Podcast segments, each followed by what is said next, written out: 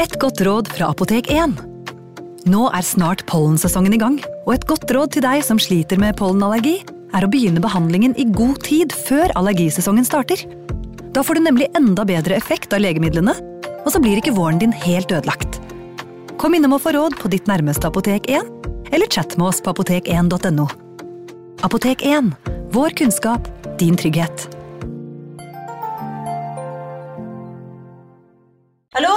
Jeg kommer fra Oslo politikammer.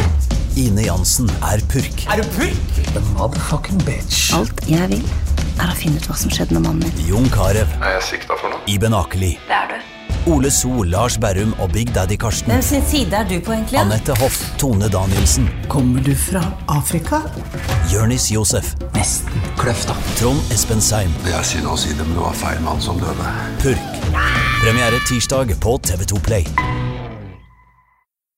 Advarsel. I denne podkasten vil du høre historier basert på informasjon programlederne har funnet selv. Programlederne står ikke nødvendigvis inne for meninger og syn som fremstilles. Noen påstander kan avvike fra virkeligheten.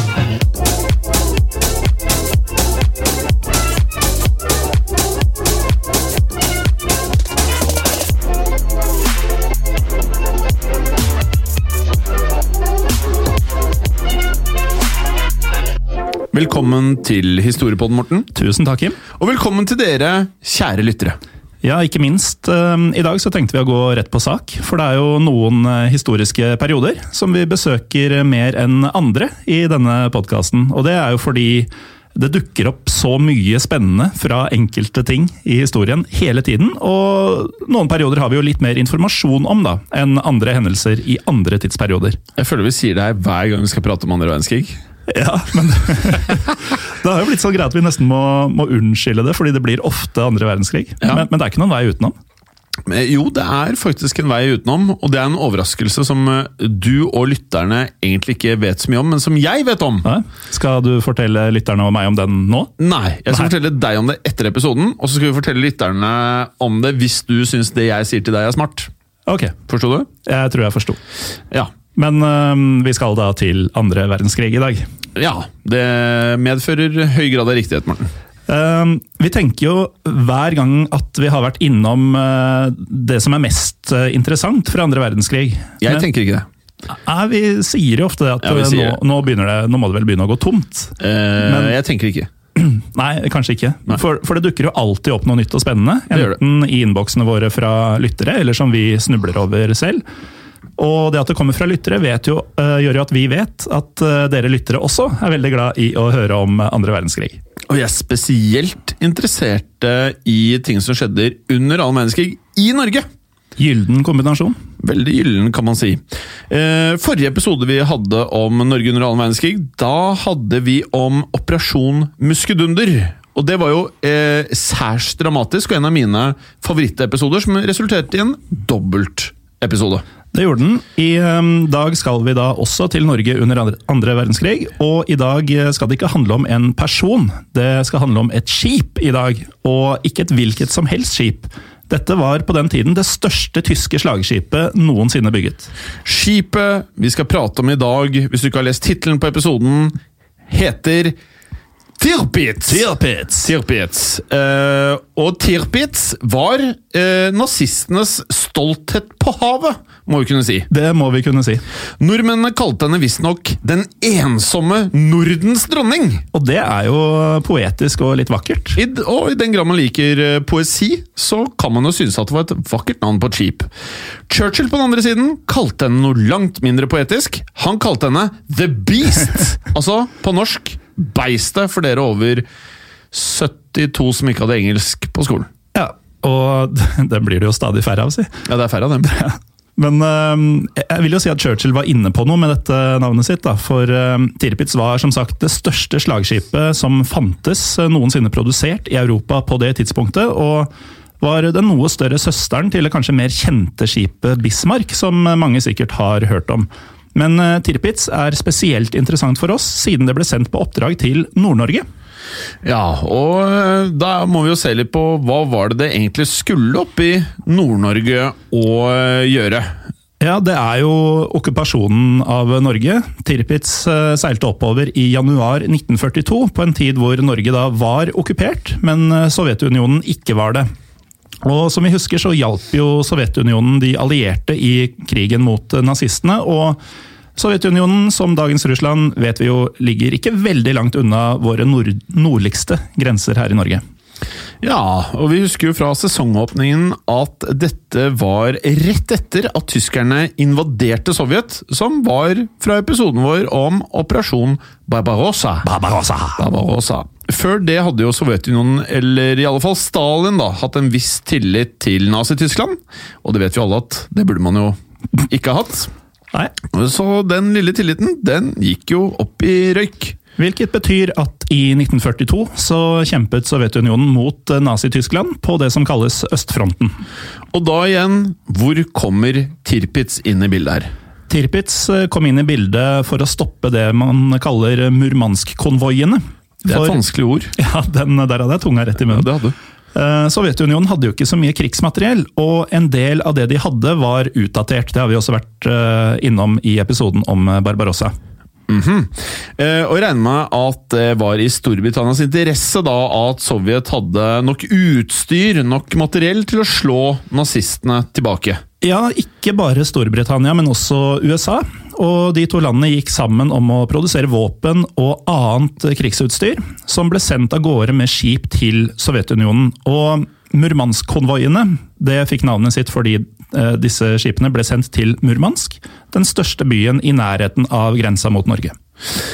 Og der USA og Storbritannia hadde stor interesse av at Sovjet hadde nok krigsutstyr, var naturligvis det motsatte i Adolf Hitlers interesse. Så Theopitz ble sendt oppover til Nord-Norge for å ligge der og ulme og se fæl og skummel ut. Og det må jo ha vært litt av et syn, da. Ja, for Tirpitz var jo faktisk ganske skummelt. Um, Kan du tenke deg hvor langt det var? Altså Vi snakker om det største slagskipet som fantes i verden. Ja, jeg vet jo sånn cirka hvor langt det var, men hvis jeg skulle gjettet før vi begynte med, med å skrive episoden, så gjettet jeg meg til et sted mellom 100 og 200 meter. Ja, Hvis du legger på 100 da og ender på 251, så har du fasiten. Skipet var altså 251 meter langt. Og det er det jo mange som vil hevde er ganske langt da, for et skip på det åpne havet å være. Ja, en to og en halv fotballbane i lengderetning. I den grad man vet hvor lang en fotballbane er, så setter det jo kontekst. Til sammenligning er Space Needle i Seattle. Den er det flere som har sett på både postkort og, Og Frasier og Ja. Den tårner jo over hele byen der. Den er høy.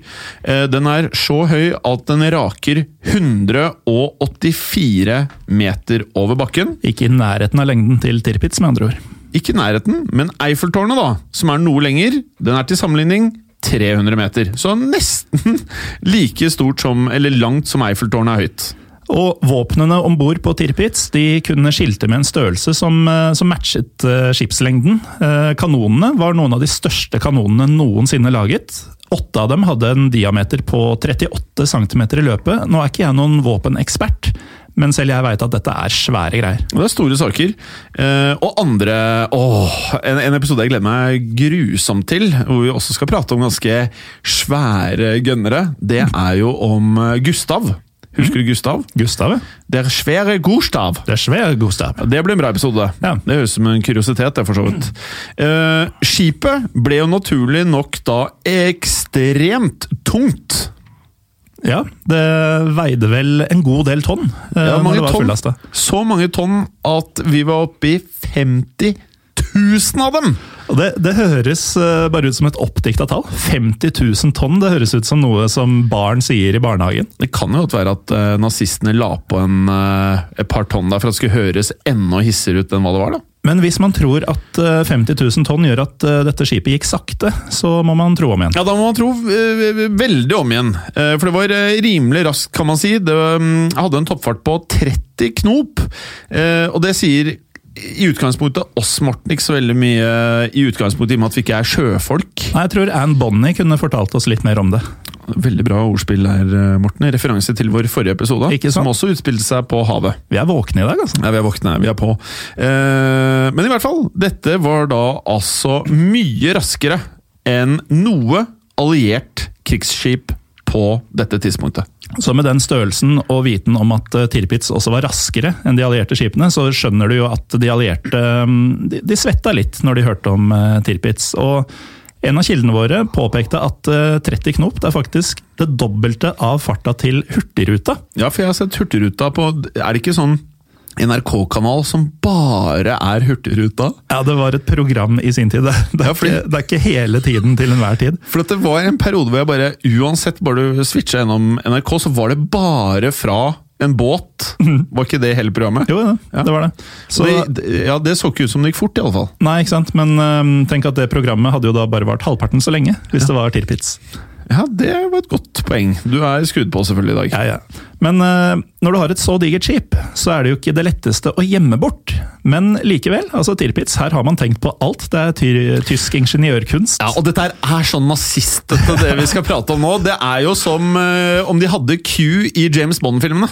Ja, jeg, jeg ser litt for meg at La oss si at øhm, tyskerne hadde akkurat de samme folkene og, og materialene og sånn som de har, bare at de ikke var nazister. Ja.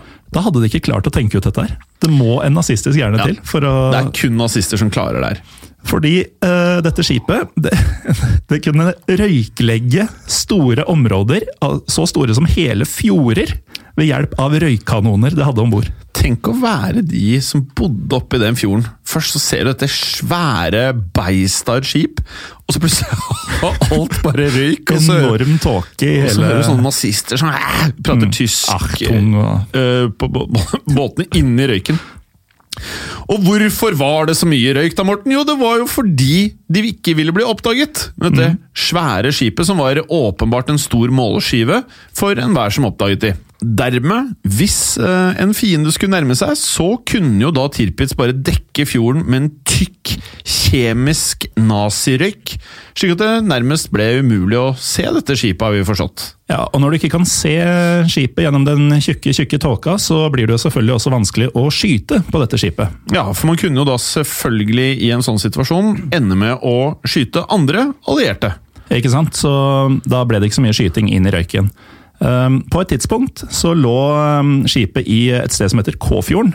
Og jeg forventer at vi får en del hit, fordi det, dette er ikke det første nordnorske navnet vi skal slakte litt. Nei, altså eh, jeg tenker at eh, ut, ut ifra sånn andre nordlendinger, når de sender inn eh, videoer av seg selv, mm. så, hvor de sier stedsnavn, så ville jeg tenkt at dette uttales Koffjorden. Ja. Så på et tidspunkt så lå skipet i Koffjorden. Og, Koffjorden. og vi vet at Tirpitz må ha røyklagt denne fjorden en eller, en eller annen gang mens det var der. Og når vi prater da om eh, kjemikalier og masse røyk som kommer ut av eh, det største naziskipet noen gang, så kan man jo også se for seg at denne røyken ikke var sunn. Ja. Ehm, Og det det har vi jo beviser på. Ja, det har vi beviser på, for uh, uh, nålene på furutrærne oppe i Nord-Norge, uh, de sluttet rett og slett å vokse etter all denne nazirøyken. Eh, et av trærne man har funnet senere, vokste ikke på ni år etter at Tirpitz hadde røyklagt eh, fjorden. Hvordan vet vi det? Man ser det da i disse årringene, som man kaller det, Ah. i trærne. Det er sprøtt. Ja, det er du god på, har jeg skjønt. Jeg er veldig god på årringer. Jeg pleier å skjære ned svære trær for å sjekke om de noensinne slutta å vokse. Ja, jeg har fått med det. Eh, Men det, det var altså et svært godt utrusta skip, dette her. Det er jo dette skipet som eh, var sendt for å gjøre livet surt for disse allierte konvoiene, disse Murmansk-konvoiene. Og i eh, januar 1942 så ble skipet sendt til Trondheimsfjorden, hvor det skulle slå seg til ro for en liten stund. Skipet, eller eh, The Beast, fikk dermed høy prioritet av de allierte, som ønsket å sette henne helt ut av spill. En av tingene som gjorde at The Beast veide hele 50 000 tonn, Morten, var jo at dette skipet her hadde en skipsside på over 30 cm stål i tykkelse. Og det sier kanskje ikke så mye isolert sett, men eh, det, er solid, for å si det mildt. Mildt sagt. Så derfor, i mars 1942, da det ble angrepet av britiske fly som prøvde å senke Tirpitz, fikk nazistene levende beviser for at deres vanvittige ingeniørkunster kunne og gjorde store forskjeller i krigen. For Tirpitz lå like fint i fjorden etter angrepene fra de allierte, og dermed var oppdraget å anse som mislykket. Og britene de skulle prøve igjen og igjen. Eh, Royal Air Force de angrep eh, Tirpitz hele fire ganger før eh, april var eh, omme. Men Tirpitz da, Morten? Det tålte alt, det. Og det er jo egentlig ganske sykt at en, en, det er en kvart kilometer flate skal være så vanskelig å få has på, men eh, det hadde jo som sagt eh, masse utstyr å forsvare seg med. Og forresten så havarerte et par av disse britiske flyene. Uh, hvorav ett av dem det ble ikke funnet før i 2014 hjem. Da var det faktisk noen studenter som fant det på bunnen av Trondheimsfjorden i forbausende god stand. Men nazistene de var ikke overrasket over at angrepene mislyktes, fordi de skal ha hevdet under krigen at Tirpitz var usynkelig. Usynkelig. Usynkelig. Eh, og senere, i 1943, gjorde Tirpitz sitt største angrep, Morten. Og det var faktisk på Svalbard. Ja, og da er det jo litt viktig at vi sier litt om hva som foregikk på Svalbard under annen verdenskrig. Ja, I begynnelsen så hadde ikke okkupasjonen av Norge noen særlige konsekvenser for Svalbard, men etter hvert så skjedde det ting der også. Svalbardmuseet kaller krigen på Svalbard for krigen om været, fordi det ble svært viktig for tyskerne å få etablert værstasjoner der. Som vi har hørt i tidligere episoder, så kan jo været oppe i nord være en svært viktig brikke i en krig, som ikke skal undervurderes. Vi husker også fra tidligere episoder hvor stor innvirkning både det russiske og finske været, altså vinteren, hadde på invaderende styrker. Og mange tyske værfly hadde blitt skutt ned mens de forsøkte å skaffe meteorologisk informasjon. Og tyskerne anså derfor landstasjoner på Svalbard som et tryggere alternativ som ville være vanskeligere å angripe. Og Derfor etablerte tyskerne værstasjoner i 1941, og rett etterpå besluttet den norske regjeringen å evakuere alle som bodde der. Nordmennene ble dermed sendt til England. Og da de skulle evakuere, så benyttet de seg også av det samme som russerne gjorde da de ble invadert, nemlig den brente jords taktikk. For det var jo kullgruver på Svalbard, så alle fikk beskjed om å brenne det utvunnede kullet, sånn at tyskerne ikke kunne bruke det. I 1942 kom en liten alliert styrke seg til Svalbard og etablerte seg i Barentsburg. Det syntes ikke nazistene noe som helst om, for det kunne jo sette værstasjonene deres i fare, selvfølgelig. Og det er her The Beast, Tirpitz, kommer inn. I 1943 så startet Operasjon Zitronella. Der Tirpitz og et annet tysk slagskip ved navn Scharnhorst ble sendt til Svalbard. Og De rigget til kanonene sine før de skjøt mot byene Barentsburg, Grumantbyen og Longyearbyen og satte disse i brann.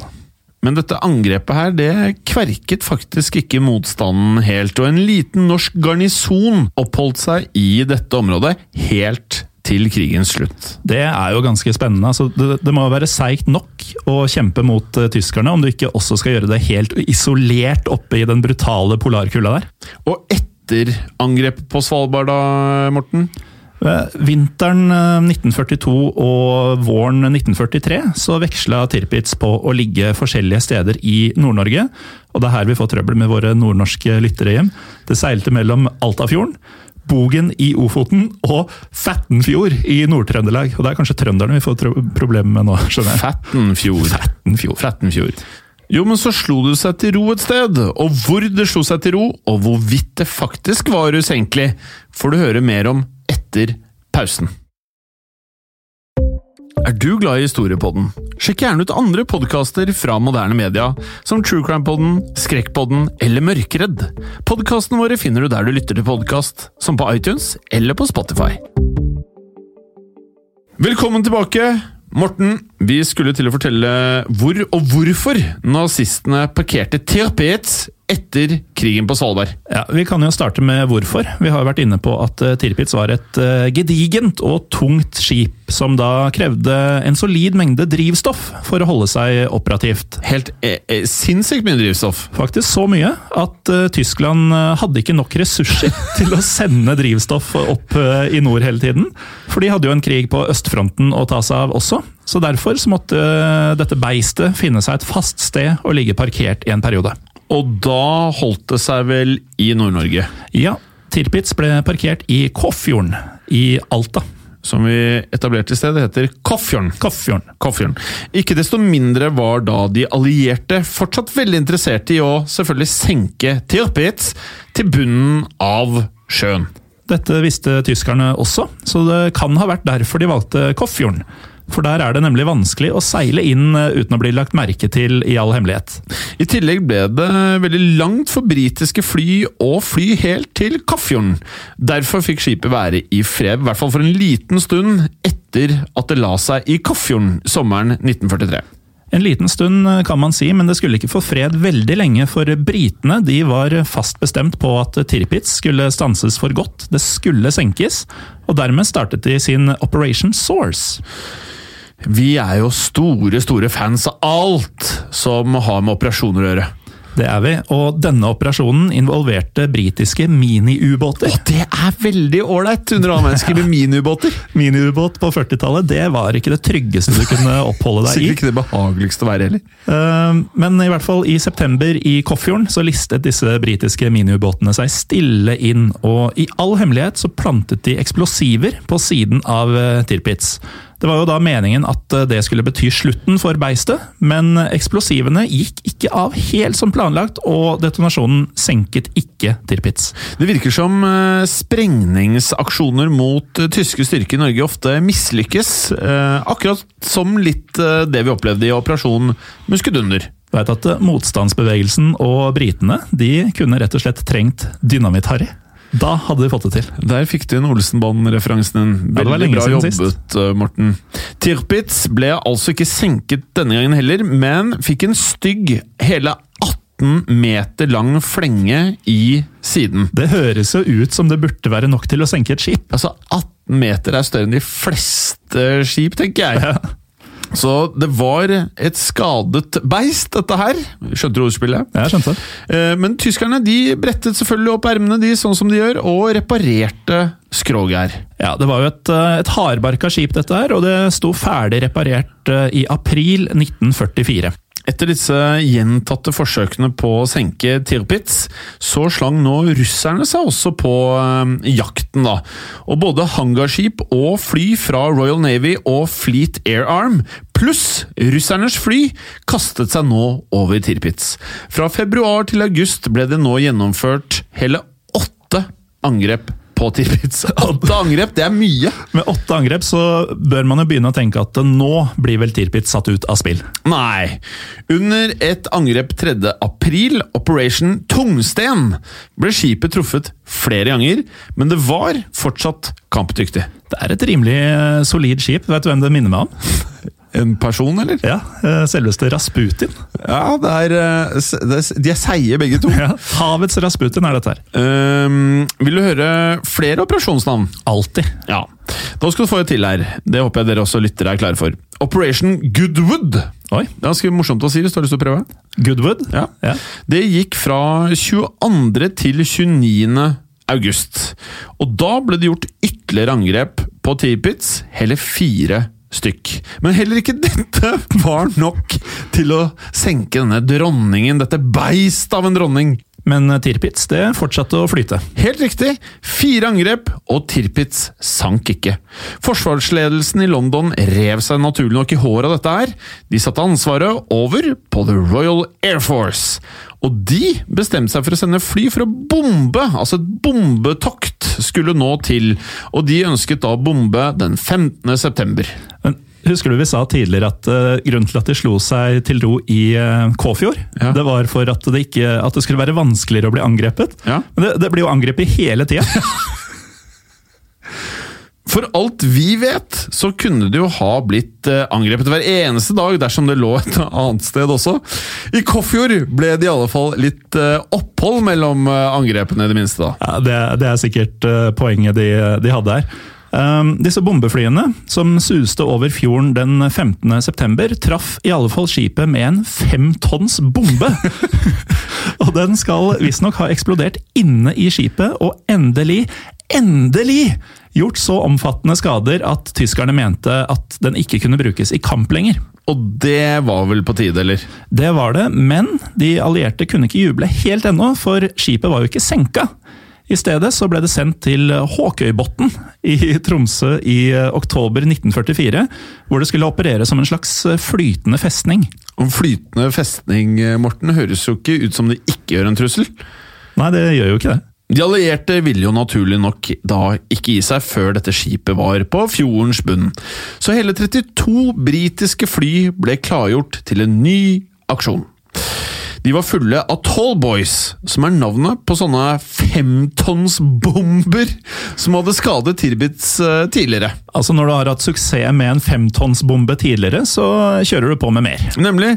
Fulle av Tallboys fløy de av gårde til Hockøybotn, hvor de slapp sin deilige last over fienden. I 20 minutter regnet det da Tall Boys over eh, Tirpitz, med andre et inferno for alle som var om bord. Tre av disse femtons Tallboysene traff blink denne dagen. Tre direkte treff med Tall Boys, det var eh, faktisk nok. Fordi Tirpitz var sliten etter alle disse angrepene, og endelig tålte det ikke mer. Eh, disse eksplosjonene de fikk skipet til å tippe over, og i løpet av bare 11 minutter så sank det. Og det er det her 11 minutter føles som at Tirpitz skulle brukt mye lengre tid på å synke, i hvert fall. Ja, men Det tok altså bare 11 minutter, og det er jo litt uh, pussig. Uh, vi kan jo også nevne litt flere tall. Uh, I sin storhetstid så hadde Tirpitz over 2600 mennesker i mannskapet sitt. Altså 2600 mennesker om bord på et skip. Men siden det var parkert som dette flytende fortet, så hadde det antagelig langt færre enn dette om bord da det sank.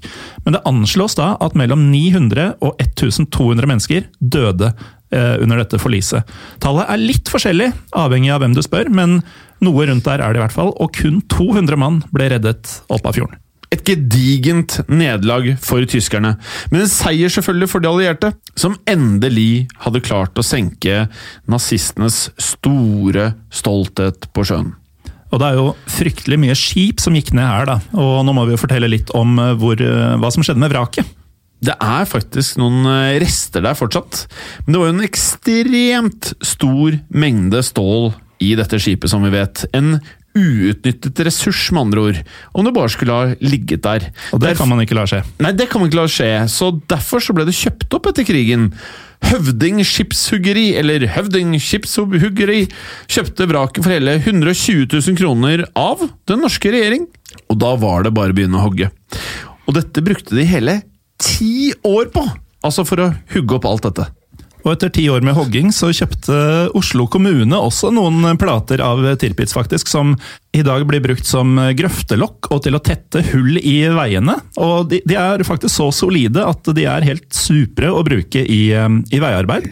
Så hvis du vandrer rundt i Oslo nå da, så kan det jo faktisk hende at du går rett over og tråkker på det som en gang var en del av Tysklands stolthet litt pirrende å vite at jeg kanskje tråkker på nazistenes flaggskip av et slagskip hver eneste dag på vei til jobb. Den var fin, eh, Jim. Ja. Og jeg er enig, det er en eh, tilfredsstillende tanke.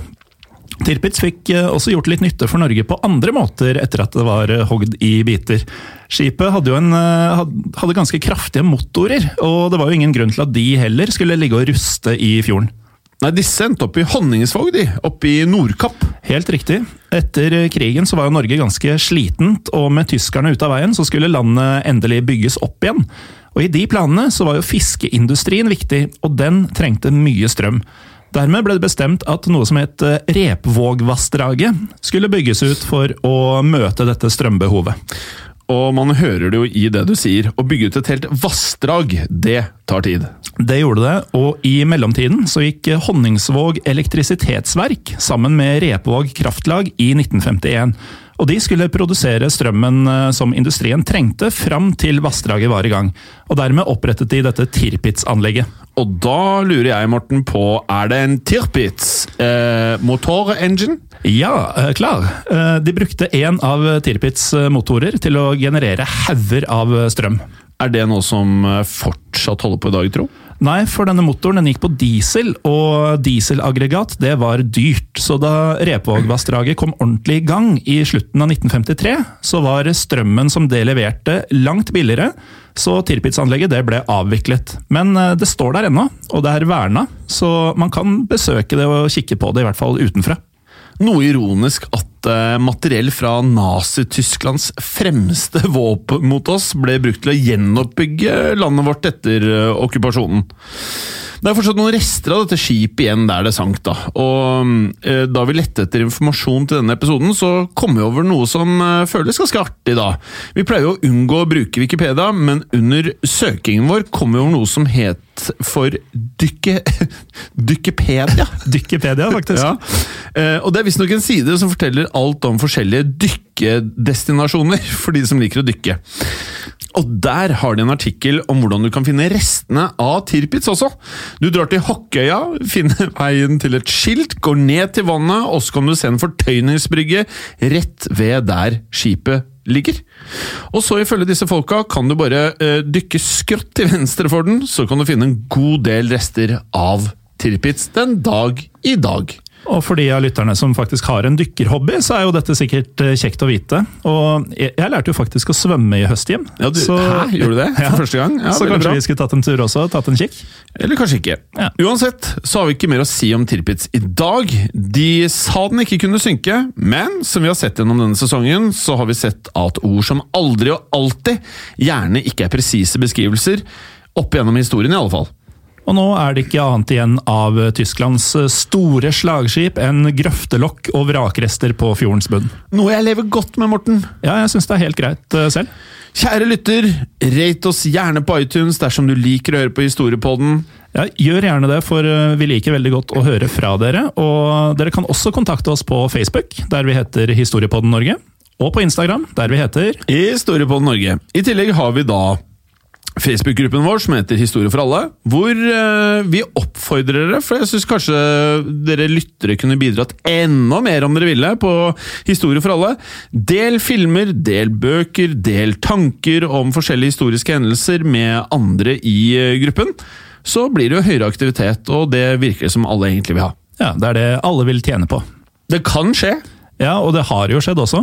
og det kan jo skje igjen. I produksjon av Historiepodden så ønsker vi å takke Håkon Bråten for lyd og musikk. Takk til Felix Hernes for produksjon.